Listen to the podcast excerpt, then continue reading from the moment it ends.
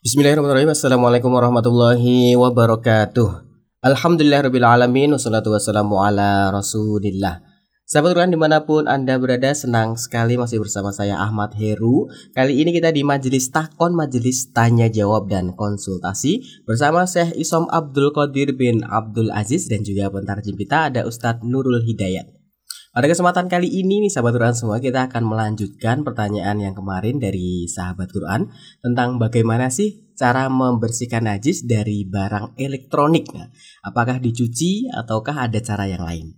Dan bagaimana penjelasannya buat sahabat Quran yang ingin bertanya tentang dunia keislaman? Sahabat Quran bisa melayangkannya melalui SMS, WhatsApp dan juga Telegram kami di nomor 081 229 888 Dan untuk mempersingkat waktu langsung saja kita persilahkan kepada beliau Ustadz Nurul Hidayat untuk memulai acara majelis takon pada kesempatan kali ini. Silahkan Ustadz. Bismillahirrahmanirrahim. Assalamualaikum warahmatullahi wabarakatuh. Alhamdulillah Rabbil Alamin Alhamdulillah Alladhi bini'amatihi tatimus salihat Sallallahu wasallam ala nabina Muhammadin wa ala alihi wa ashabihi man tabi'ahum bi ihsan ila wa ba'du. Para pendengar yang dicintai oleh Allah Subhanahu wa taala, insyaallah kita akan melanjutkan pembahasan kita di majelis takon ini, majelis tanya jawab, majelis konsultasi. Eh, bersama Syekh kita Syekh Abdul Qadir Abdul Aziz Hafidhullah Ta'ala kita masih melanjutkan tentang pertanyaan bagaimana cara membersihkan uh, peralatan barang elektronik yang terkena najis.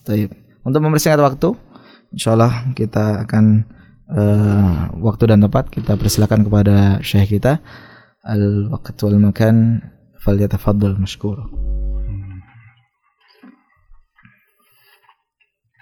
السلام عليكم ورحمة الله وبركاته وعليكم السلام ورحمة الله وبركاته بسم الله الرحمن الرحيم الحمد لله رب العالمين الصلاة والسلام على أشرف الخلق وأطهرهم وأزكاهم محمد بن عبد الله صلى الله عليه وسلم الرحمة المهداة والنعمة المسداة والسراج المنير البشير النذير.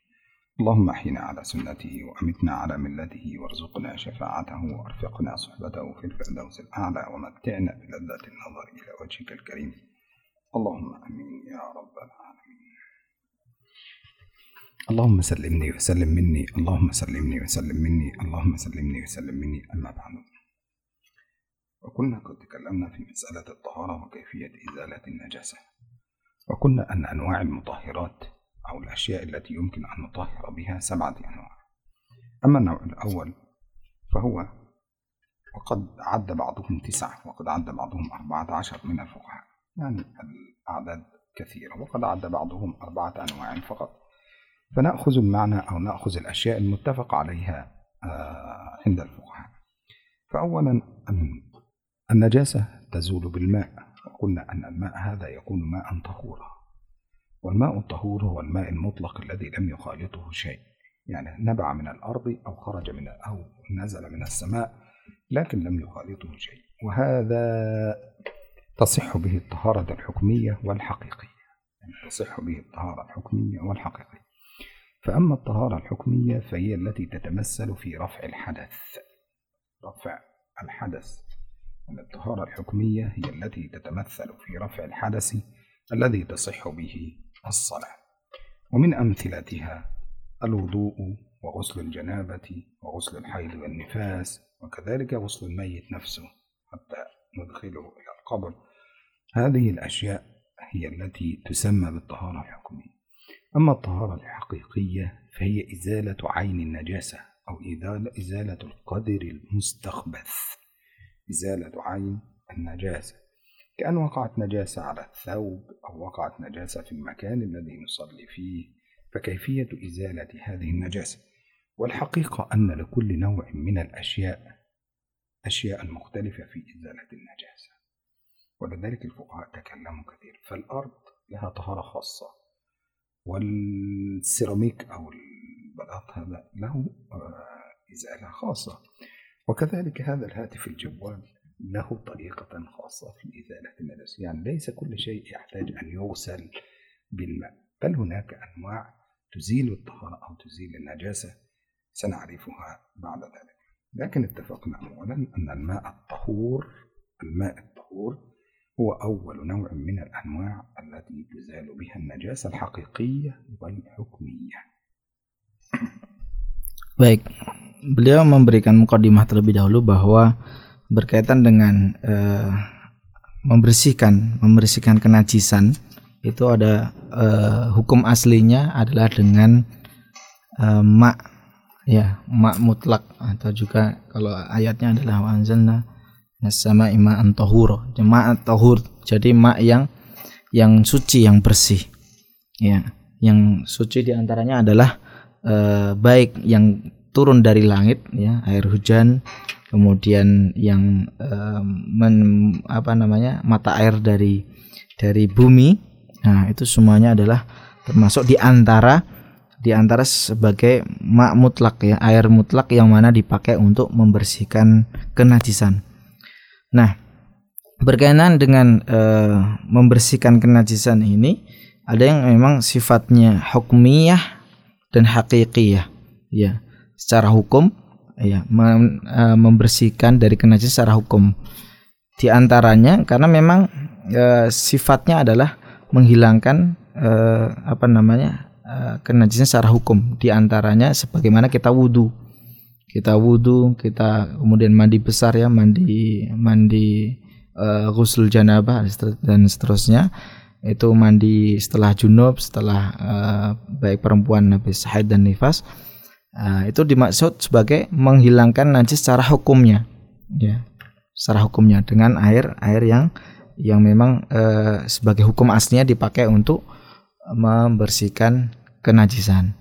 Yang sifatnya sebagai hak hakikiyah di antaranya adalah ketika suatu hal ya baik uh, apa namanya baju kita atau mungkin uh, apa namanya uh, baju kemudian karpet atau yang lainnya benda-benda yang di sekitar kita terkena najis maka uh, itu juga akan hilang dengan air meskipun setiap barang itu punya sesuai syariat ya punya cara membersihkannya masing-masing tidak semua barang yang terkena najis itu caranya mensucikannya adalah dengan di dicuci dengan harus terendam air dan seterusnya Ada cara-cara yang memang sesuai dengan syariat bagaimana menghilangkan kenajisan itu dengan air. Ada caranya. هذا بالنسبة إلى الماء الطهور وقلنا أن الماء الطهور هذا على سبعة أشياء أولا الماء الذي نزل من السماء كذلك الماء الذي خرج من الأرض يعني أولا ماء المطر ماء ماء المطر كذلك ماء العيون آه ماء العيون نعم وماء البحر والنهر.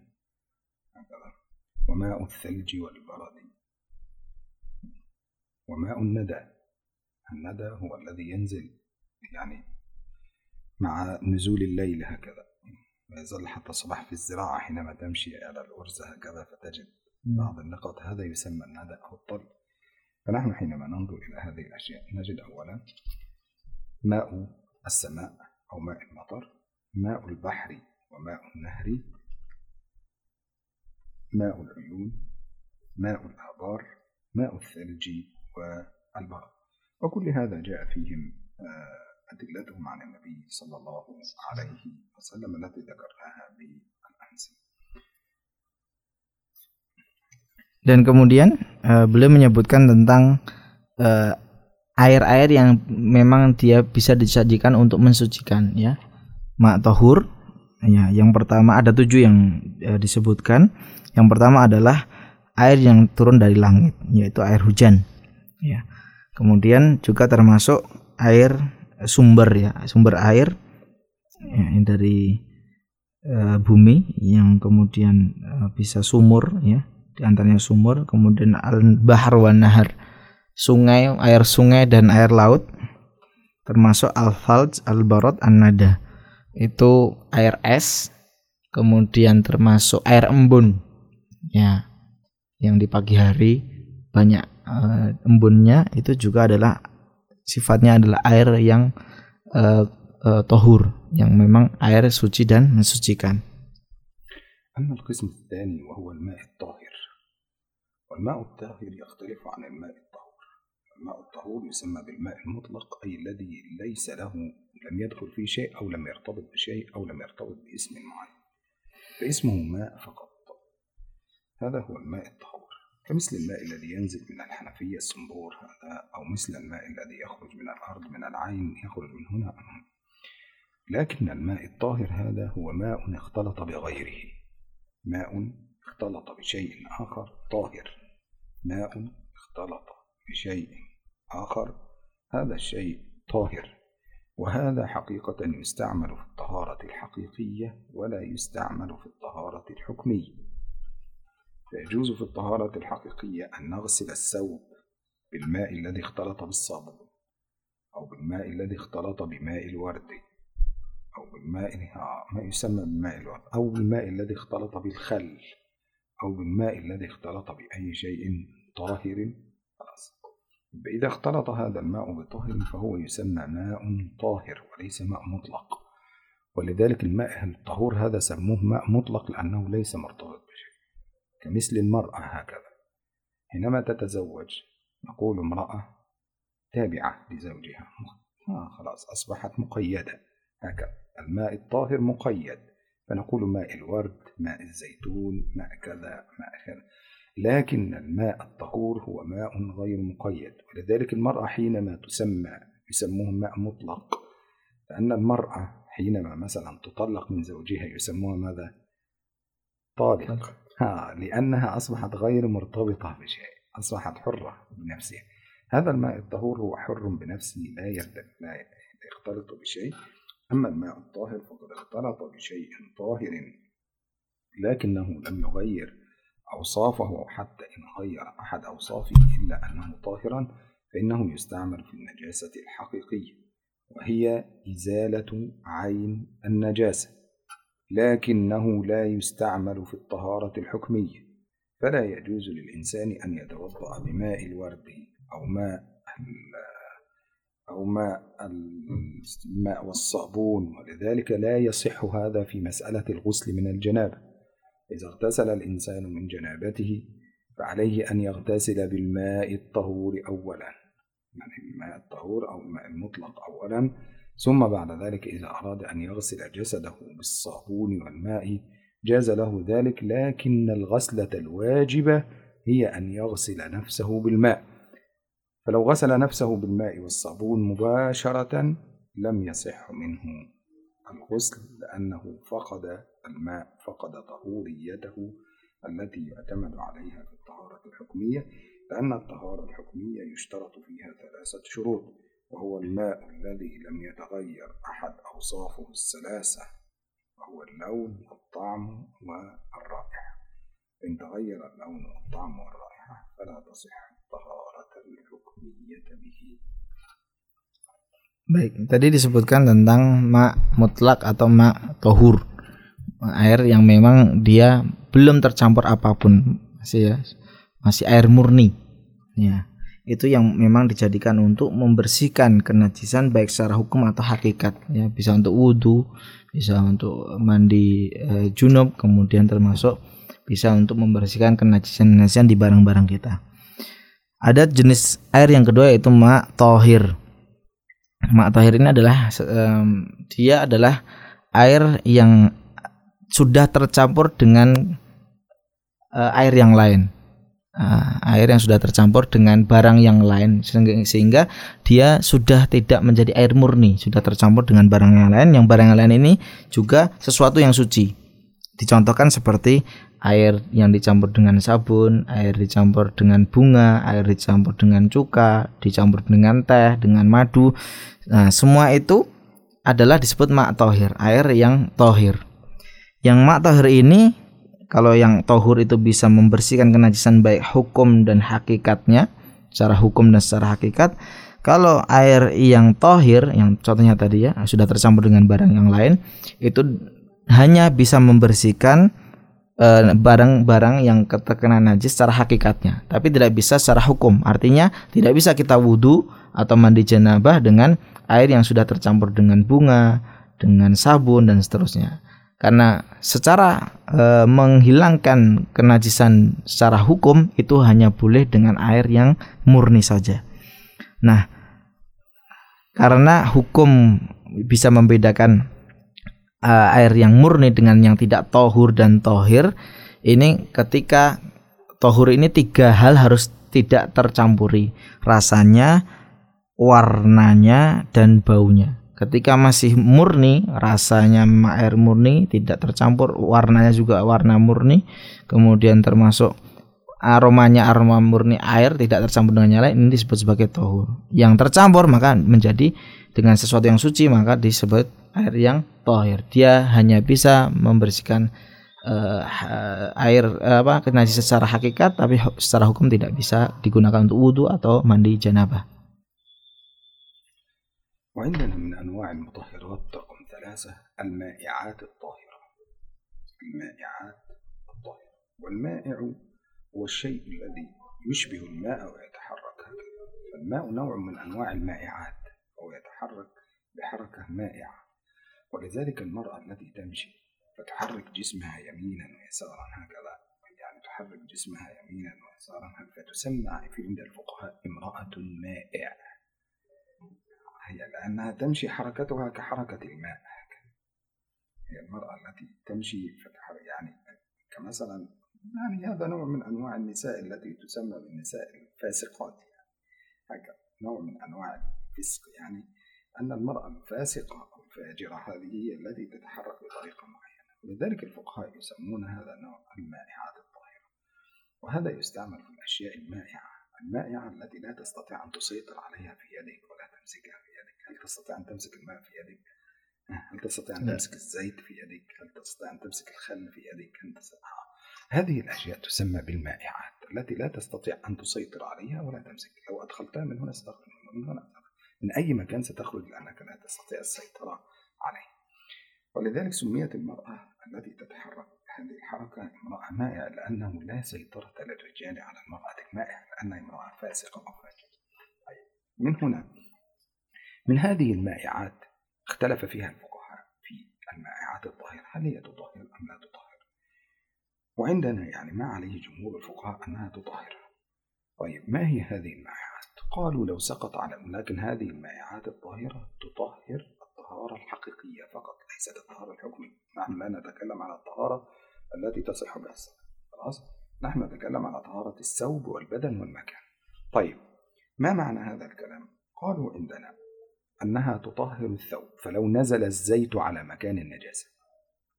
الزيت. يعني ليس شرط أن يكون الماء فقط. زيت هكذا. نزل على مكان النجاسة فحكه هكذا بيده أو فركه بيده هكذا أو غسله بيده. غسل النجاسة بالزيت طهر هذا الثوب. كذلك الخل إذا جاء الخل خلاص يطهره. كذلك ماء الشاي. ماء الشاي إذا نزل ماء الشاي على النجاسة يعني ممكن أن يغسل النجاسة إذا لم يوجد ماء يغسل ماء النجاسة بماء الشيء نعم. كذلك الماء المطبوخ. الماء المطبوخ كمثلا تطبخ فول تطبخ كذا تطبخ فالماء الذي يخرج منه وتغسل به هكذا. أي شيء من هذه الأشياء تسمى بالمائعات الطاهرة عند الفقهاء. وهذه الأشياء كما قال أبو حنيفة وأبو يوسف يجوز الطهارة بها يجوز الطهارة بها وتصح بها الطهارة وتصح بها الطهارة.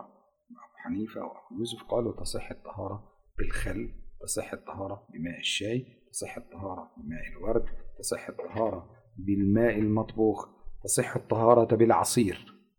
الجس يعني خلاص حتى لو بالعصير هكذا نزل فغسل مكان النجاسة فيصبح هذا الذي نزل عليه المكان الماء الطاهر أو الجس أو هذه الأشياء لأن كلها فيها معنى الطهارة أو معنى الماء الذي يزيل النجاسة وبالتالي النجاسة الحقيقية لا يشترط أن يتغير اللون أو الطعم أو الرائحة كمثل النجاسة الحكمية التي تزيل الحدث وترفع حكم الخبث. Baik. Kemudian jenis selanjutnya adalah uh, sebut disebut kalau di istilah fikih adalah al-ma'iatu tahirah. Ya. Uh, apa ya cairan-cairan yang sifatnya tohir. Ya cairan-cairan yang tohir. Ya, air ya kan cairan ya. Cairan tapi yang tohir. Nah, ini e, mirip dengan hukumnya dengan yang sebelumnya. Itu hanya bisa menghilangkan kenajisan secara e, hakikat. Ya tidak bisa secara hukum. Ya, ini dicontohkan sebagaimana e, dari asal bahasanya ya ma'iyat itu adalah sesuatu yang bergerak-gerak ya kalau e, dalam bahasa Arab perempuan yang e, apa ya diistilahkan berjalan dengan melenggok-lenggok itu disebut sebagai imraatun ma'i ya tadi ma'i'atu tahirah. Nah, contohnya adalah ini lebih ya mirip ya dengan yang sebelumnya adalah tadi air uh, bukan air ya. Jadi uh, misal zait uh, minyak. Minyak itu kan cairan ya, cairan. Uh, termasuk cuka, kemudian termasuk air teh, termasuk eh, apa yang istilahnya air-air semuanya air rebusan eh, jagung rebusan kacang dan seterusnya ya. Yang mana sudah memang tidak asli dan termasuk cairan yang memang dia bukan eh, air murni nah, itu disebut ma'iyatut tahirah. Dia sifatnya adalah ya suci nah, kemudian tapi bisa mensucikan hanya cukup yang sifatnya hakikat hakikiyah.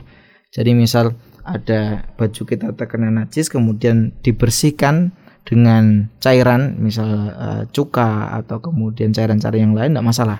Boleh. Tapi tidak bisa dibuka dipakai untuk menghilangkan najis secara hukumnya tidak bisa buat wudhu tidak bisa buat uh, mandi janabah karena ini hanya bisa dipakai untuk memakai uh, untuk membersihkan secara uh, kotoran najis secara hakikat dan itu uh, perkataan uh, yang juga uh, disampaikan oleh Abu Hanifah wa Abu Yusuf bahwa tas uh, tasih taharah bi ma'iyati tahirah. Jadi dibolehkan bertoharah dengan tadi cairan-cairan yang mana sifatnya suci.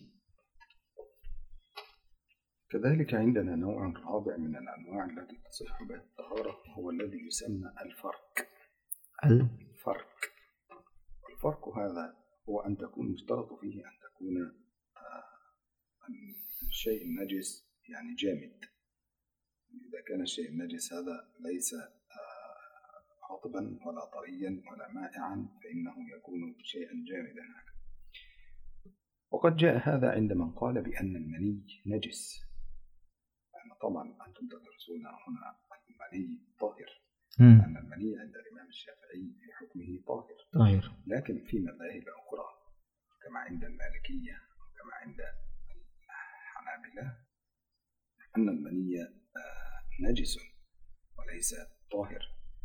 آه، فكانت تفركه يعني كما جاء في حديث النبي صلى الله عليه وسلم كنت أغسله إذا كان رطبا وأفركه إذا كان يابسا. هكذا. فالفرق هنا عندهم آه، قال هو لو كان طاهر أصلا يعني هذه المذاهب التي التي قالت بنجاسته قالوا لو كان طاهر لما احتاج إلى الغسل يعني لما احتاج لماذا تغسيله وهو طاهر؟ هو طاهر أصلا تصح به الصلاة لا يعني هكذا. فبالتالي إذا كانت تغسيله معنى ذلك أنها تزيل عين النجاسة. وحينما أصبح جامدا قطعة واحدة فتفركه حتى تخرج النجاسة من الثوب. والفرك هو ما بين الإصبع والإصبع. يأخذ الإنسان النجاسة مكان النجاسة إذا كان جامد فيضعه بين إصبعه فيفركه هكذا أو بين يديه فيفركه ويشترط في ذلك أن يكون الفرق كثيرا. كذلك عند بعض العلماء دم الحيض إذا نزل على الملابس يعني الدم إذا نزل على الملابس دم الحيض وتجمد فإنه يشترط في إزالته ليس الفرق فقط الفرق والغسل.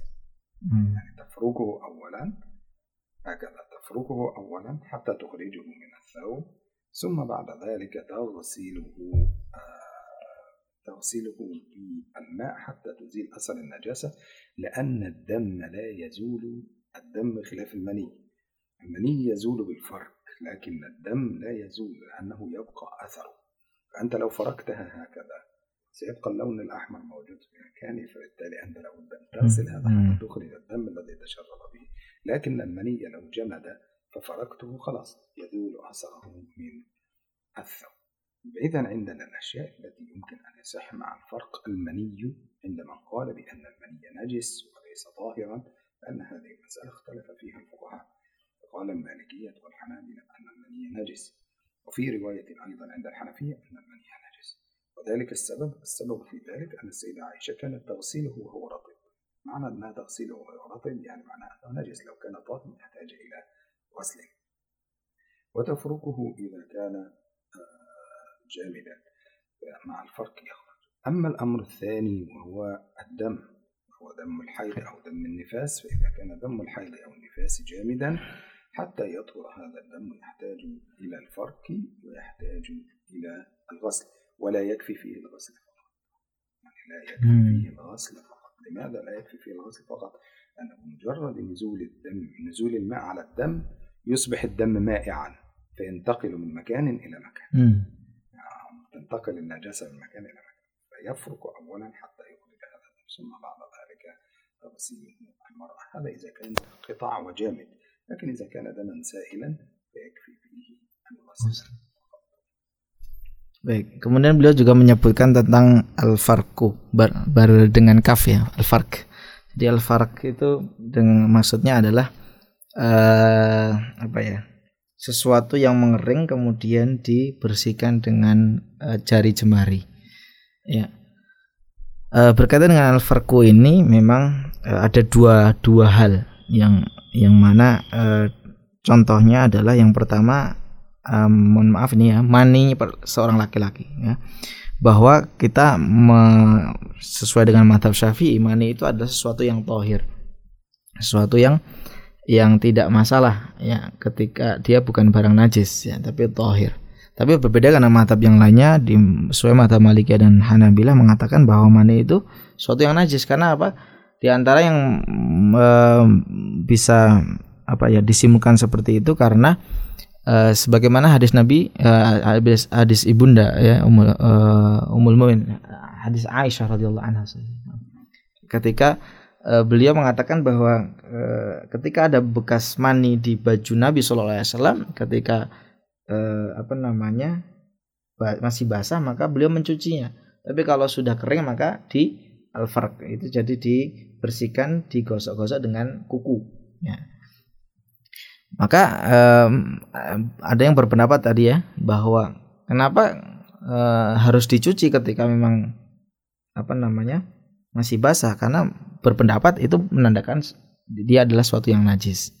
Ya suatu yang yang najis. Meskipun dalam madhab syafi'i ketika memang dia eh, berpendapat tadi ya karena memang kering tidak harus dicuci kan harus cukup digosok-gosok maka eh, berpendapat sesuai madhab syafi'i bahwa mani itu tohir Nah, kemudian dengan eh, darah haid dan nifas, ya, ini berkaitan dengan darah ya, darah yang najis.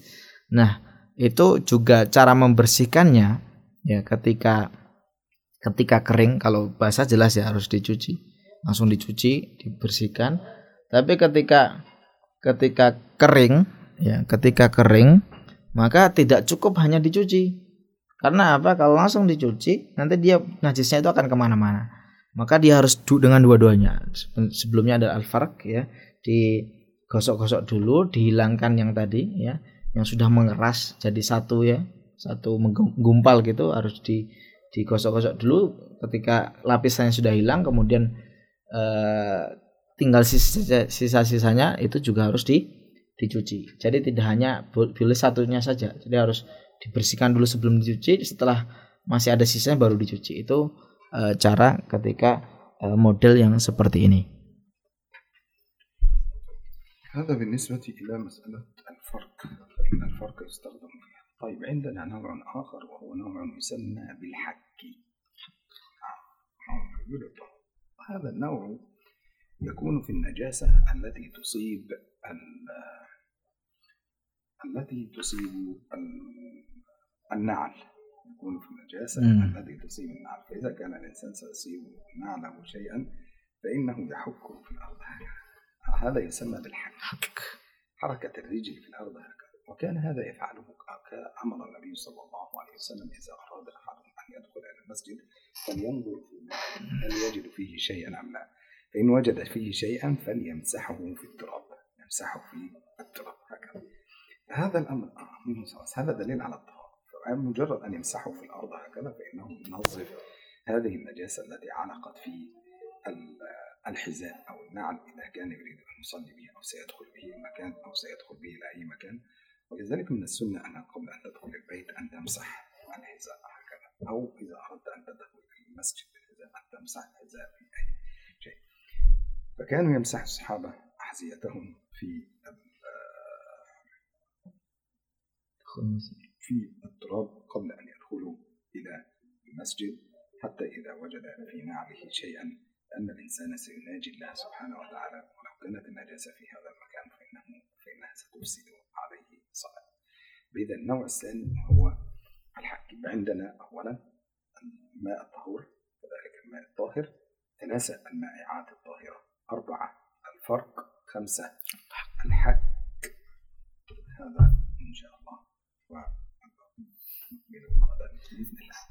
Baik. Jadi setelah al-farq ya yang keempat, yang kelima ada al-haq. Al-haqqu bil kaf ya, hak dan kaf. Itu adalah cara membersihkan sesuatu barang yang sifatnya adalah barang seperti yang kita pakai di alas kaki. Ya, sendal, sepatu ya ketika terkena najis maka cara membersihkan adalah menggosok-gosoknya dengan di tanah ya, di tanah atau di uh, alas lah pokoknya ya. Itu disebut sebagai al-haqqu. Dan memang itulah yang diajarkan oleh Nabi SAW ya diterangkan oleh uh, para sahabat juga ketika ingin masuk masjid ya. Dahulu masjid itu ya dari pasir maka uh, sholat pakai sandal pakai sepatu itu biasa. Ya tapi terlebih dahulu sebelum masuk itu digosok-gosokkan digesek-gesekkan ya. Uh, kalau kita mungkin pakai keset ya. Kalau pakai keset atau yang lainnya intinya adalah membersihkan bekas-bekas ya, apa yang tersentuh oleh alas kaki kita di suatu tempat yang akan membersihkannya. Itu disebut al haqqu dan insya Allah nanti akan diselanjutkan di pertemuan selanjutnya. Kita tutup dengan kafatul majelis subhanakallahumma bihamdika asyhadu an la astaghfiruka wassalamualaikum warahmatullahi wabarakatuh Sahabat Quran di mana pun Anda berada, demikian tadi majelis takon, majelis tanya jawab dan konsultasi bersama Syekh Isom Abdul Qadir bin Abdul Aziz dan juga mutarjim kita ada Ustadz Nurul Hidayat. Pertanyaan yang nantinya akan dilanjutkan oleh beliau Syekh Isom pada kesempatan yang akan datang karena pertanyaan ini belum selesai nih ya sahabat Quran tentang bagaimana cara membersihkan barang elektronik yang terkena najis. Dan buat sahabat Quran yang ingin bergabung, ingin bertanya tentang seputar dunia keislaman, sahabat Quran bisa melayangkannya melalui SMS, WhatsApp, dan juga Telegram kami di 081229888614. Dan akhirnya saya Ahmad Heru yang bertugas pada kesempatan kali ini mewakili saya Isom Abdul Qadir bin Abdul Aziz juga mutarjim kita Ustadz Nurul Hidayat pamit undur diri dari ruang dengar sahabat Quran semua. Nantikan majelis takon, majelis tanya jawab dan konsultasi esok hari di jam yang sama. Subhanakallah wa bihamdika asyhadu an la ilaha illa anta astaghfiruka wa atubu ilaik. Wassalamualaikum warahmatullahi wabarakatuh.